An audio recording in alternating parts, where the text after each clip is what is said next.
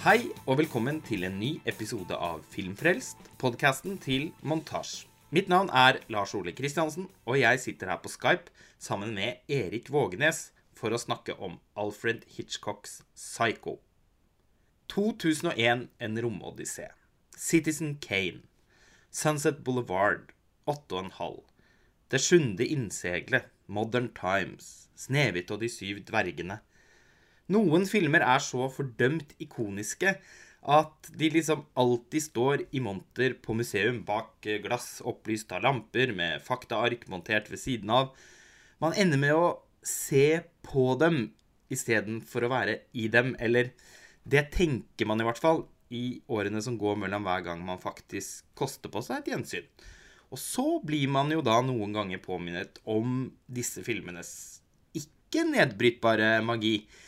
Uh, og Alfred Hitchcocks Psycho er definitivt en av disse filmenes filmer, både filmhistorisk, filmvitenskapelig, popkulturelt. Kanskje til og med selveste filmenes film. Og den har du et spesielt forhold til, Erik. Ja, det vil jeg si. Uh, Hitchcock er på en måte min første filmkjærlighet, for å si det sånn. Uh, jeg er oppvokst med kabel-TV. Mm.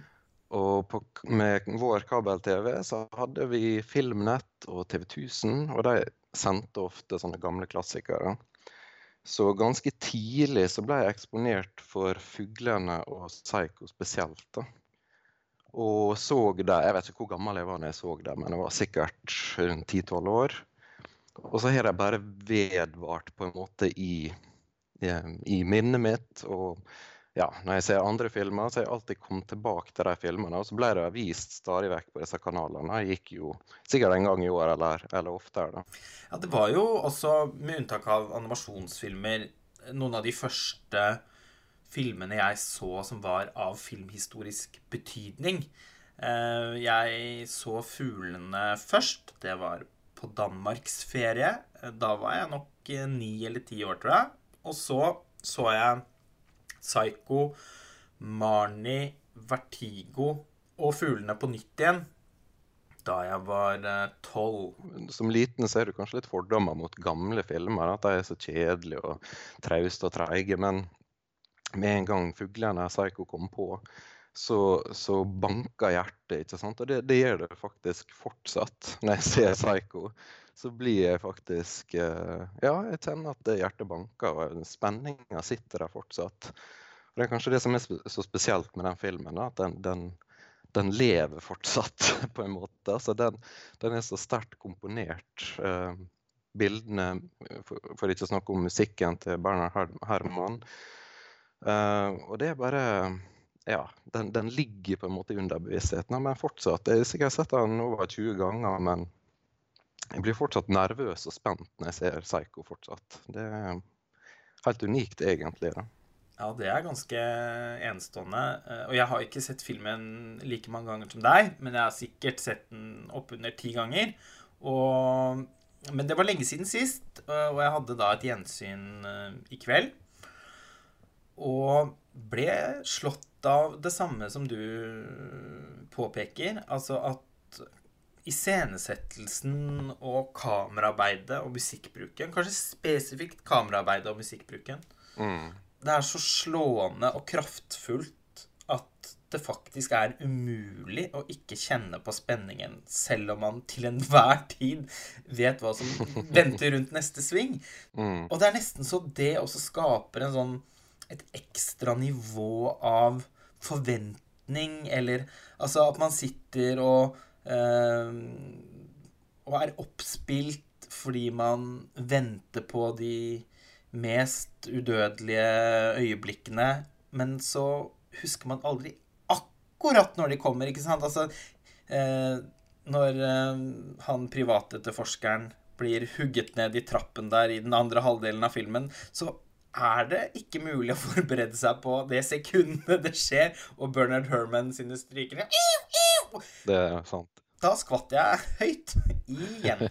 jeg, jeg, tror det, jeg tenkte litt på det. Hva, hva, er, hva, er, det med Psycho som gjør at den har denne her uh, ja, uhåndgripelige den, den, den, bare griper tak i det rent fysisk. da, og jeg tror Altså, Hitchcock var jo på, på mange måter en sånn ekstrem formalist. Altså, han var veldig inspirert av russiske regissører og egentlig russ, russisk montasjeteknikk. da.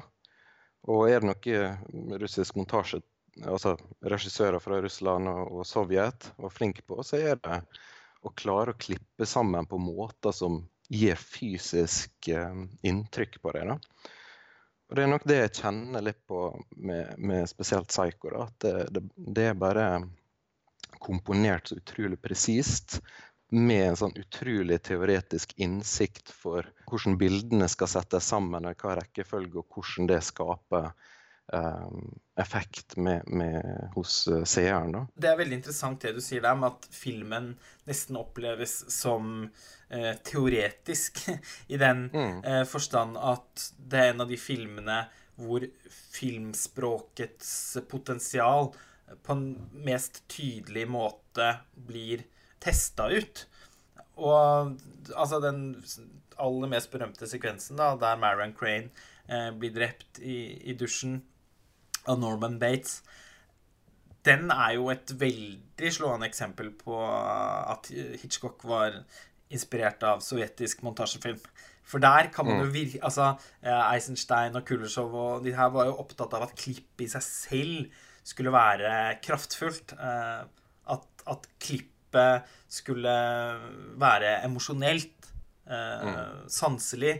Og det er jo akkurat sånn det fungerer i den sekvensen av klippene, i kombinasjon med Herman sine komposisjoner, da, oppleves jo som stikk. Mm. Det gjør det. Og så han, han, unnlater å vise ting. ikke sant? Han unnlater faktisk å vise sjølve stikka med kniven, men vi får følelsen av stikka med kniven gjennom eh, måten den er klippet på. Og det er kanskje det som gjør den så Altså filmspråket fullfører på en måte handlinga. da. Mm. Um, og, og, det er kanskje det som gjør at det er den Istedenfor å vise bare hva som skjer fysisk, ikke sant? Så, så trår på en måte filmmediet inn og, og fullfører nesten handlinga.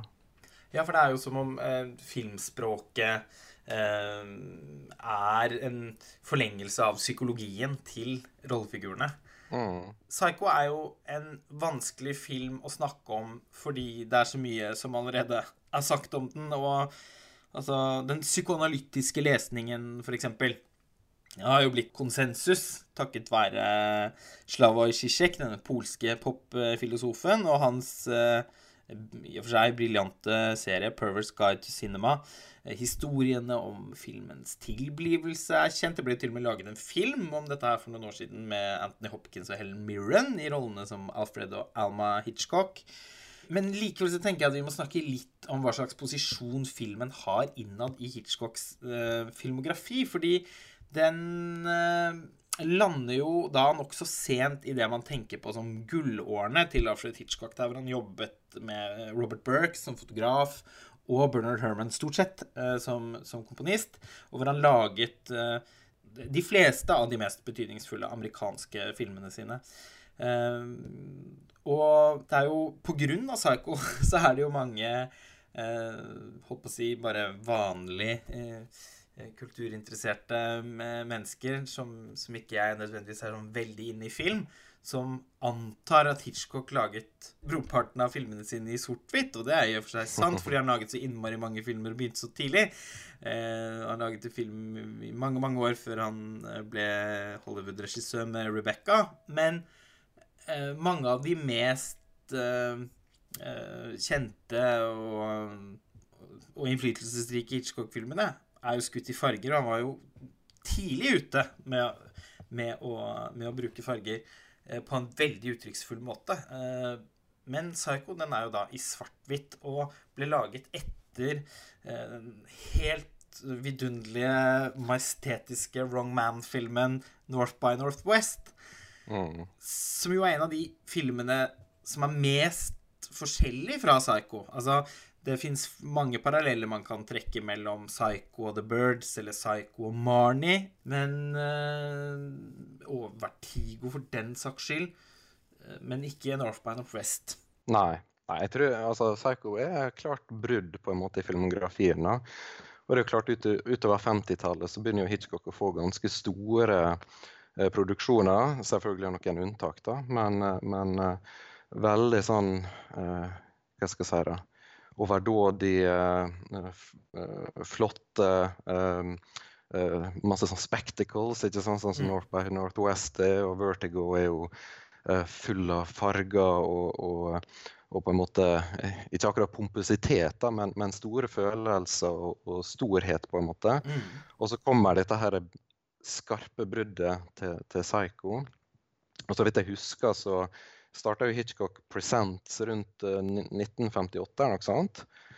Og TV-crew, eller folk som var med på TV-produksjonen, ble med visstnok inn på, i, i um, skapelsen av Psycho. da. Mm. Så det er kanskje det som er litt sånn interessant, at han på en måte strippa ned crewet sitt også, og bare brukte en del utvalgte fra, fra det TV-crewet til å gjøre en, en, så liten film. da. Ja, fordi eh, det har jeg også lest, at, uh, at det var TV-arbeidere som primært mm. jobbet på filmen, eh, og at den da nødvendigvis var i, i, altså, mye rimeligere å lage enn en de foregående filmene.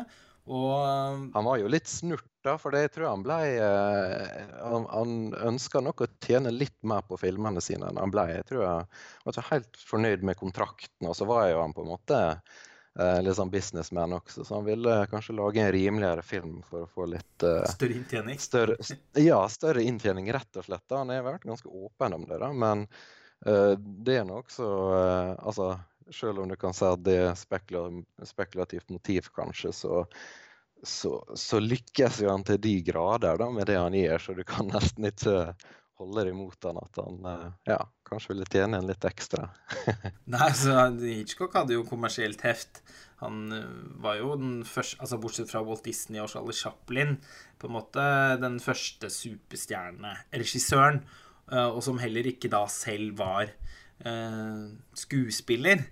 Eh, sånn som, som, Charlie Chaplin tross alt var. Disney ja, Det blir liksom litt i en egen kategori igjen.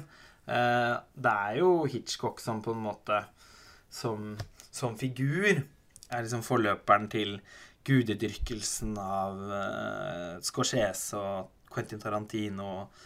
Uh, mm. nav, altså Hitchcock-navnet på plakaten var jo et større navn en stjerne som var med. Det er ikke så mange ganger i løpet av filmhistorien at det har vært uh, tilfellet.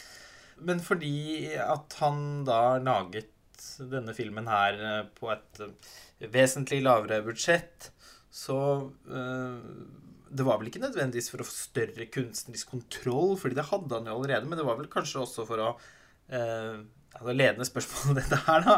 Men jeg, at, men, eh, men jeg vet at du eh, vet uh, mye mer om, om, bakgrunnen for filmen egentlig eh, enn det jeg gjør. Det var vel også fordi han ønsket å teste noen grenser her. Altså The Production Code eh, mm.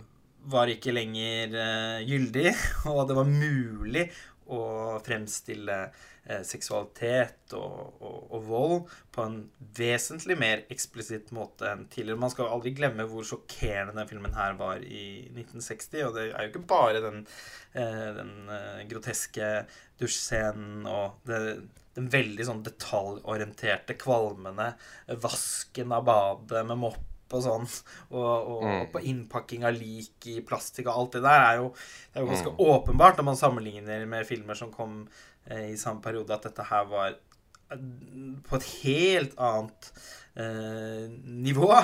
Eh, men også en sånn scene som eh, Scenen med Marion Crane og, og, han elskeren i sengen der på hotellrommet i begynnelsen. Mm. Mye mer eh, ja, altså, det, det, er en scene som er utenkelig uh, bare noen år tidligere. Og rart nok, faktisk det å vise toalett på film også. det, det, var noe man ikke burde gjøre. jeg tenker på det. Jeg tror han øyna en mulighet til å eksperimentere litt mer med form. da, uh, Og ikke minst dette her med planer altså, om å ja, at Marion Crane eller Vivian Lee blir Nei, Janet Lee blir drept uh, tidlig. Uh, og, og, på en måte det skulle komme som den store overraskelsen. ikke sant? At den store stjerna blir, uh, blir uh, drept i, i, ganske i begynnelsen av filmen. Da.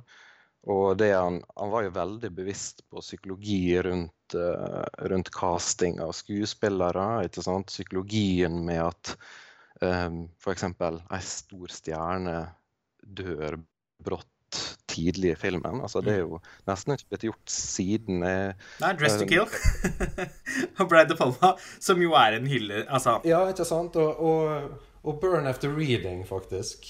Ja. Cohen-brødrene. Ikke sant? Ja. Og, og, hvor sjokkerende det også på en måte blir i den filmen. da. Altså, det, det er veldig uh, Det er et veldig effektivt grep. da, og jeg tror han gjorde det nok for å på en måte vise publikum at her kan alt skje. da, Og, mm. og det, det, skaper en, en, viss effekt. da, Kanskje ikke like mye i dag når, når man ikke er så obs på, på, hvor stjerne, stor stjerna var. da, men, eh, men, absolutt på den tida så var det sjokkerende. da, at det ble gjort. Og, og på måten det ble gjort. ikke sant, Å pakke henne i plast. og, og ganske sånn makabert. da. Ja, altså det er jo nesten nøyaktig eh, Altså, det er bare noen sekunder over timesmerket at eh, hun og bilen hennes og alle hennes eiendeler er sendt ned i den sumpen. Og så eh, er jo den andre halvdelen av filmen eh, ganske annerledes. Mm. Og jeg kan huske at da jeg så Psycho litt sånn på nytt igjen med veldig filminteresserte og Hitchcock-interesserte øyne mm, Nå er det vel sikkert 15 år siden. Da husker jeg at jeg liksom At noe av årsaken til at Psycho da ikke havnet helt liksom i toppsjiktet på min Hitchcock-liste, var at jeg opplevde at noe av den helt sånn magiske eh, tiltrekningskraften i bildene og dirrende stemningen i den første halvdelen ikke helt var til stede i den andre. Mm, jeg ser det. Jeg tenker nå at det egentlig ikke er tilfellet, etter å nettopp ha sett filmen på nytt igjen. Men er det mm. Har du noen ganger liksom eh, tenkt på at, at Altså, det er jo veldig dristig Den komposisjonen er jo et veldig dristig grep av Hitchcock. Har det noen gang liksom slått deg at, at, du synes det er noe ved den som ikke fungerer, eller? Ja, faktisk. Men det kommer helt på slutten, da. Eh, når han der politietterforskeren eh, forklarer på en måte Norman Bates, da. Ja, det er eh, leit. Ja, det, det, det er en, en, en, en, scene jeg alltid har på en måte ikke helt eh, likt. Fordi da, på en måte kommer hele psykoanalysen av Norman Bates direkte fra ja. politimannen. uh, og så eh, gjøres jo det litt godt igjen når du får her, denne her dissolven med ja, plutselig ja. Norman Bates se, ser inn i kameraet ikke sant, med dette fugleaktige blikket, og så kommer det på en måte et, et slør av en hodeskalle bak. Så er det på en måte glemt, da. Men, men akkurat den biten med, med forklaringa, den skulle jeg ønske han hadde funnet en annen løsning på det. Veldig lite Hitchcocksk egentlig å ha en sånn Å ikke vise det visuelt eller få det fram på en annen måte. da. Ja, det er som en sånn scene liksom eh, fra 'To Kill a Mockingbird' eller noe sånt noe. Ja, ikke sant? Det er eh, Ja, en veldig underlig at, at Hitchcock feiget ut med den scenen der. Men som, som, du sier, så er det mest tillit når, det, når disse fantastiske sluttbildene kommer, da. Men det er interessant på en måte at Hitchcock våger, og han er jo utrolig god på å holde tilbake. Altså, økonomien i Hitchcock sine fortellinger er alltid imponerende og slående. Men i Psycho så velger han jo også å avsløre ganske mye rundt midten av filmen. Mm. Altså, han bygger opp et, et, crescendo av spenning, for så å egentlig eh, sparke den spenningen ut av filmen. Om du skjønner hva jeg mener? Mm. Altså, den begynner jo nesten litt sånn på nytt igjen etter en time. Ja, den, den skifter stemning, da. Den, den eh, endrer karakter, da. Den blir mer en sånn uh, Det blir mer en, en eh, søken eller sånn etterforskningsfokus, på en måte, da, i, del to. Ja. Um, som, som Ja, jeg, jeg, kan skjønne at mange kanskje syns det blir et sånt rart temposkifte, da. Men, uh, men uh, som, ja, hva, hva det var som gjorde at du tenkte nå at det funka bedre enn sist, da, det skiftet? Nei, jeg vet ikke helt. Eh, det er jo som regel sånn at når man har en opplevelse, så uh, tar jo den over. Så uh, det er jo den, den, forrige opplevelsen er jo allerede litt visket ut. For jeg husker jo ikke hvorfor jeg hang meg så opp i det da, men, jeg, husker veldig godt at jeg gjorde det. Og det fins jo andre filmer også, hvor det er noe sånn altså Laventura, Antonioni eller Heisen til Skafotta, Louis Malle og sånn òg. Hvor det er mm. noen ganske tydelige uh, ven, Altså noen vendinger i fortellingen som gjør at filmen uh, går over nesten i, et, i en ny liksom, fase eller toneleie. Jeg tenkte litt på det, Der er det mange som skriver om på en måte voyeurisme i, i Psycho. Da, ikke sant, dette med kikkermentalitet og kikke på andre. ikke sant, At det blir en sånn metakommentar i, i filmen. da. Men jeg tenkte litt på det, hva, hva det var som på en måte uh, resonnerer litt med meg, eller hva, hva, hva, som gjør at den går litt inn på meg fortsatt. da. Dette her med skam. Um, både uh, altså Marion Crane skammer jo seg på en måte. Uh, hun stjeler jo penger i begynnelsen av, av filmen. Mm. Og så er det denne her med skam og andre sitt blikk. Uh, nå prøver å komme seg unna med disse pengene, så er det en politimann som lener seg inn vinduene ikke sant? og filmer Du ser ansiktet med, med, store, svarte solbrilleglass. ikke sant? Han ser nesten sånn demonisk ut, som, som stirrer inn i kameraet. Det er veldig sånn Uh, et veldig arresterende bilde. da. Og senere så forfølger han jo henne og retter det samme blikket mot henne i en situasjon der hun skal skaffe seg en ny bil. Ja, ikke sant? En overvåkning. Ja, overvåking.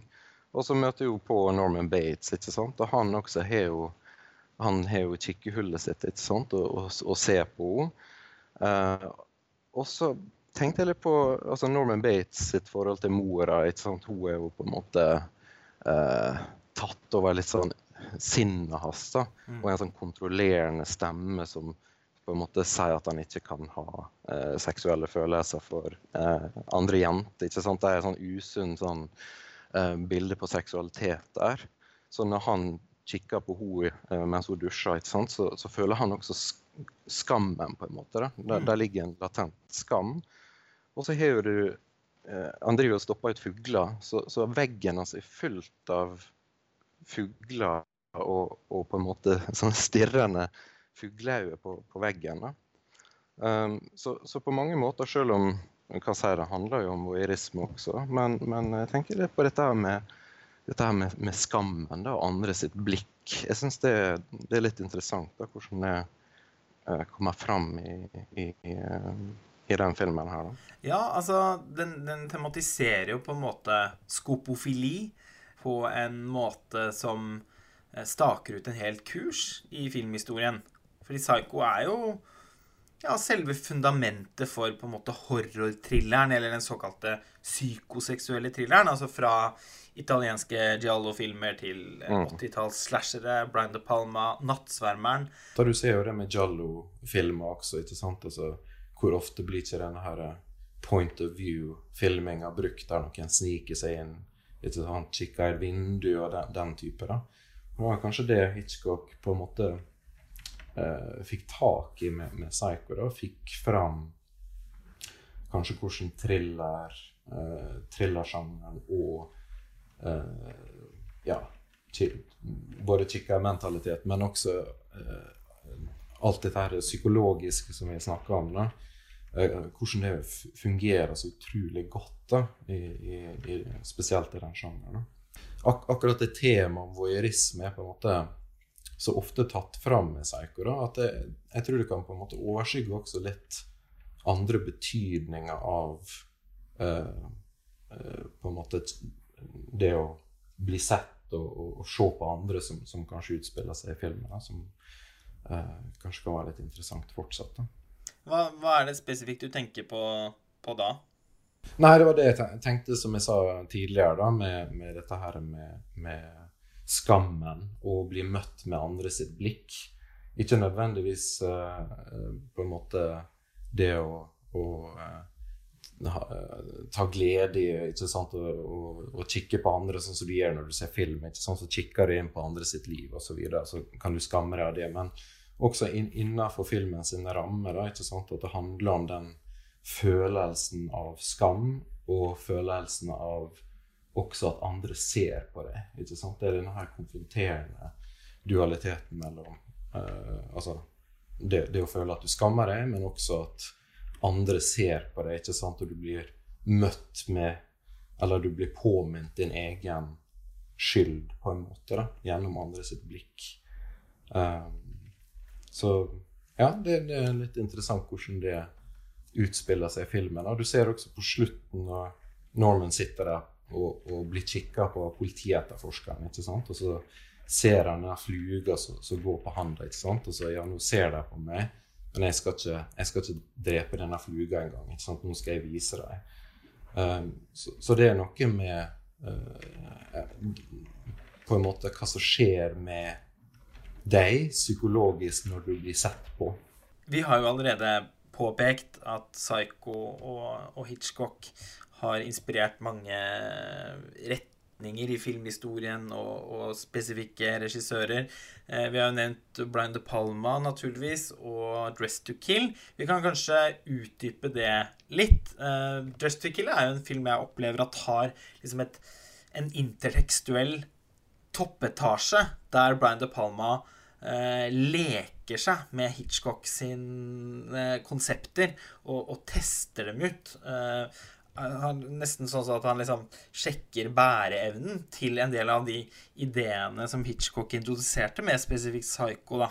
Ja, det er klart uh, De Palma har jo gjennom hele karrieren sin egentlig eh, Altså, en del av De Palma sin stil er jo på en måte å kommentere og omskrive og eh, rekonfigurere Hitchcock på mange måter, ikke sant? Altså Dress to Kill, som du snakker om, ikke sant? Og, og, og Body Double, for eksempel. Uh, Body Double er kanskje enda mer sånn vertigo, men, men uh, Ja, i likhet med Obsession, som jo nær sagt er en remake av Vertigo. Ja, ikke sant. Så det er klart, De Palma er jo uh, på en måte litt besatt av, av Hitchcock sin, sin, stil da, og potensialet, som du sier, og, og på en måte ta ikonografi og scene og ideer fra Hitchcock, og så bare tar et steg videre da, og leker med det på en måte det blir nesten en del av poenget til De Palma at du skal nesten kunne lese Hitchcock sine filmer i lag med De Palma sine filmer. Det blir nesten en ja. høyere enhet av den, som er ganske fascinerende. Avslutningsvis så tenker jeg vi kan leke oss litt da med å rangere Hitchcock-filmene. Fordi jeg vet at han kanskje er den aller største regissøren eh, for deg, Erik. Og mm. han er jo helt i toppsjiktet for meg òg, bare så det er sagt. Uh, og jeg, jeg, vet faktisk ikke hvilke Hitchcock-filmer som er dine absolutte favoritter, og hvorvidt Psycho uh, er uh, får pallplass, f.eks. Jeg, jeg er klar over at filmen har betydd veldig mye for deg og for, og for filminteressen din, men det betyr jo ikke nødvendigvis at Eh, den i dag er en av dine absolutte Hitchcock-favoritter, så jeg er litt sånn spent. Eh, du kan eh, Jeg har laget en liste her, jeg òg, da. Men jeg vil gjerne høre din først. Vi kan, vi kan jo ta de forskjellige plasseringene etterpå. Vi, altså, vi kan begynne på tiendeplass. Hva er din Hitchcock Hva er Hitchcocks tiende beste film? Ja, jeg må bare si det er helt umulig, men Og den lista her den endrer seg sikkert fra, fra måned til måned. Men min tiendeplass er 'Fuglene'. Min er 'Strangers on a Train'. Eh, Niendeplass 'Shadow of Doubt'. Ja, 'Shadow of Doubt' her også. Åttendeplass 'Psycho'. Oi, så lavt! Mm. Oi, oi, oi, se her! Oi, ja, for, ja, min er Rebecca. OK, så såpass lavt. Da må vi fullføre, da, så kan vi snakke litt om hvorfor. Eh, nummer syv Marnie, The Birds. Nummer seks North by Northwest, Psycho. Nummer fem Strangers on the Train, Rare Window. Nummer fire Rebecca, Notorious. Eh, nummer tre Notorious, Vertigo. Nummer to Rear Window, Marnie. Nummer én Vertigo. North by Northwest. Ja. Ja, du ble overraska, du, nå. Ja, jeg ble det, fordi eh, Altså eh, Det er jo tross alt ikke så mange eh, Altså, blant store Hitchcock-entusiaster jeg kjenner, så er det veldig sjelden at Psycho er nummer én. Kanskje også fordi den tross alt ikke er den mest typiske Hitchcock-filmen. Mm.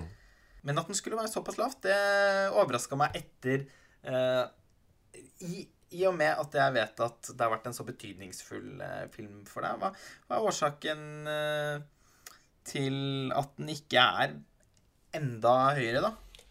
Jeg tror det sier litt om hvor glad jeg er i Hitchcock, da. Ja, nettopp. Men eh, jeg, jeg tror det er på en måte Det at den har så følelsesmessig eh, påvirkning på meg, det er én ting. Men, men kanskje i den dynamikken mellom måten den fungerer på som bare ren film, og tematikken sin dybde, da, eh, så, så blir jeg på en måte mer inspirert av de filmene som ligger over med tanke på eh, ja, metaforer og tem tematikk og bare detaljrikdom i, i, i eh, ja, filmer generelt. da. Ikke kun i handlinger, da, men i, i filmen sin symbolikk. da. Så ja, jeg, jeg tror det er derfor Psycho kanskje ikke er helt i toppen. Og jeg har jo hatt den i toppen før, da, men Ja. jeg veit ikke. Det, det er bare når du ser Hitchcock-filmer om igjen og om igjen, så, så oppdager du så utrolig mye spennende da, som gjør at du blir eh, fascinert. Altså, jeg har i en årrekke egentlig da hatt Vertigo på toppen, men jeg har innsett at jeg har måttet revurdere det litt, rett og slett fordi at den Hitchcock-filmen jeg tross alt alltid har lyst til å se, er North by Northwest. Eh, selv om det er Altså, det er liksom den, den ultimate Hitchcock berg-og-dal-bane-filmen. Og jeg er Mm. veldig svak for det wrong man-motivet, som jo dukker opp i flere uh, Hitchcock-filmer fra den som heter The Wrong Man, med Henry Fonda. I og for seg også en veldig god film. Og The Man Who Knew Too Much med, i to versjoner. Eh, Den siste med James Stewart og Doris Day. Eh, Så oss, Men så er jeg jo da også svak for de mer sånn Altså de mer psykologisk eh, komplekse Hitchcock-filmene. Deriblant nevnte Vertigo, da. Men også Marnie, som jeg syns er den mest underkjente Hitchcock-filmen. Mm. Jeg lurer på om det er, er det en av Scorsese sine favorittfilmer sånn i det hele tatt? Er det det? Ja, i hvert fall veldig langt oppe, tror jeg. Det skulle ikke forundre meg. Den har, altså, eh, det er noe med den filmens bruk av farger og sånn som, som, som det er nærliggende å tenke at Scorsese vil være begeistret for. Tenk på Shutter Island, for eksempel. Mm. Ja, og, det og jeg syns det er den filmen hvor Hitchcock klarer å utforske farger på en kanskje aller mest eh, ekspressiv måte. da. Vertigo også, selvfølgelig. Men de to filmene, da, det er der hvor jeg, hvor jeg opplever at han eh, Særlig bruken av rødt da i Marnie, som jeg tenker eh, Brian De Palma spesielt må være tungt inspirert av. De Palma påstår jo selv da at eh, Hitchcock mistet det etter Psycho. Han eh, er jo faktisk ikke så begeistret for noen av filmene han, han lagde etter Psycho, inkludert Marnie. Men det har alltid forbauset meg litt, fordi hver gang jeg ser Marnie, så tenker jeg at det er den mest De Palma-aktige av alle Hitchcock-filmene. Mm. Ja, det syns jeg var veldig overraskende å høre. Ja. ja det, han sa det på en pressekonferanse eh, i, i Venezia, og eh, i forbindelse med lanseringen av den De Palma-dokumentaren. Og så men, men han har sagt det ved flere andre anledninger òg, har jeg funnet ut av i etterkant. da. Jeg tenker i alle fall da, apropos samtalen vår innledningsvis om Psycho sin posisjon, eh, i filmhistorien at Marnie nok er den mest undervurderte eller underkjente Hitchcock-filmen. Eh, hvilken ville du løftet fram, som du tenker at flere burde se? Uh, godt spørsmål. Um, kanskje uh, The Wrong Man, eh, Ja. vil jeg si litt underkjent. Ja. Francois Truffaut veldig glad i den. Ja. Og kanskje Kanskje den første The Man Who Knew Too Much, faktisk. Ja, den har jeg aldri sett. Jeg har sett uh, uh, den andre versjonen flere ganger, Mm. men faktisk aldri originalen. Selv om eh, den, den står på hylla eh, i en restaurert Criterion-versjon. Det er Peter Lorre som spiller hovedrollen, er det ikke? Mm, den er veldig god. Det, jeg jeg syns det er vanskelig å vite hva for eh, av de to som er, som er best. da. Nyinnspillinga eller den første. Så ja, absolutt anbefalt, altså. Takk for denne gangen, Erik. Takk for meg. Veldig fint å ha deg tilbake. Vi snakkes. Ha det bra. Ha det bra.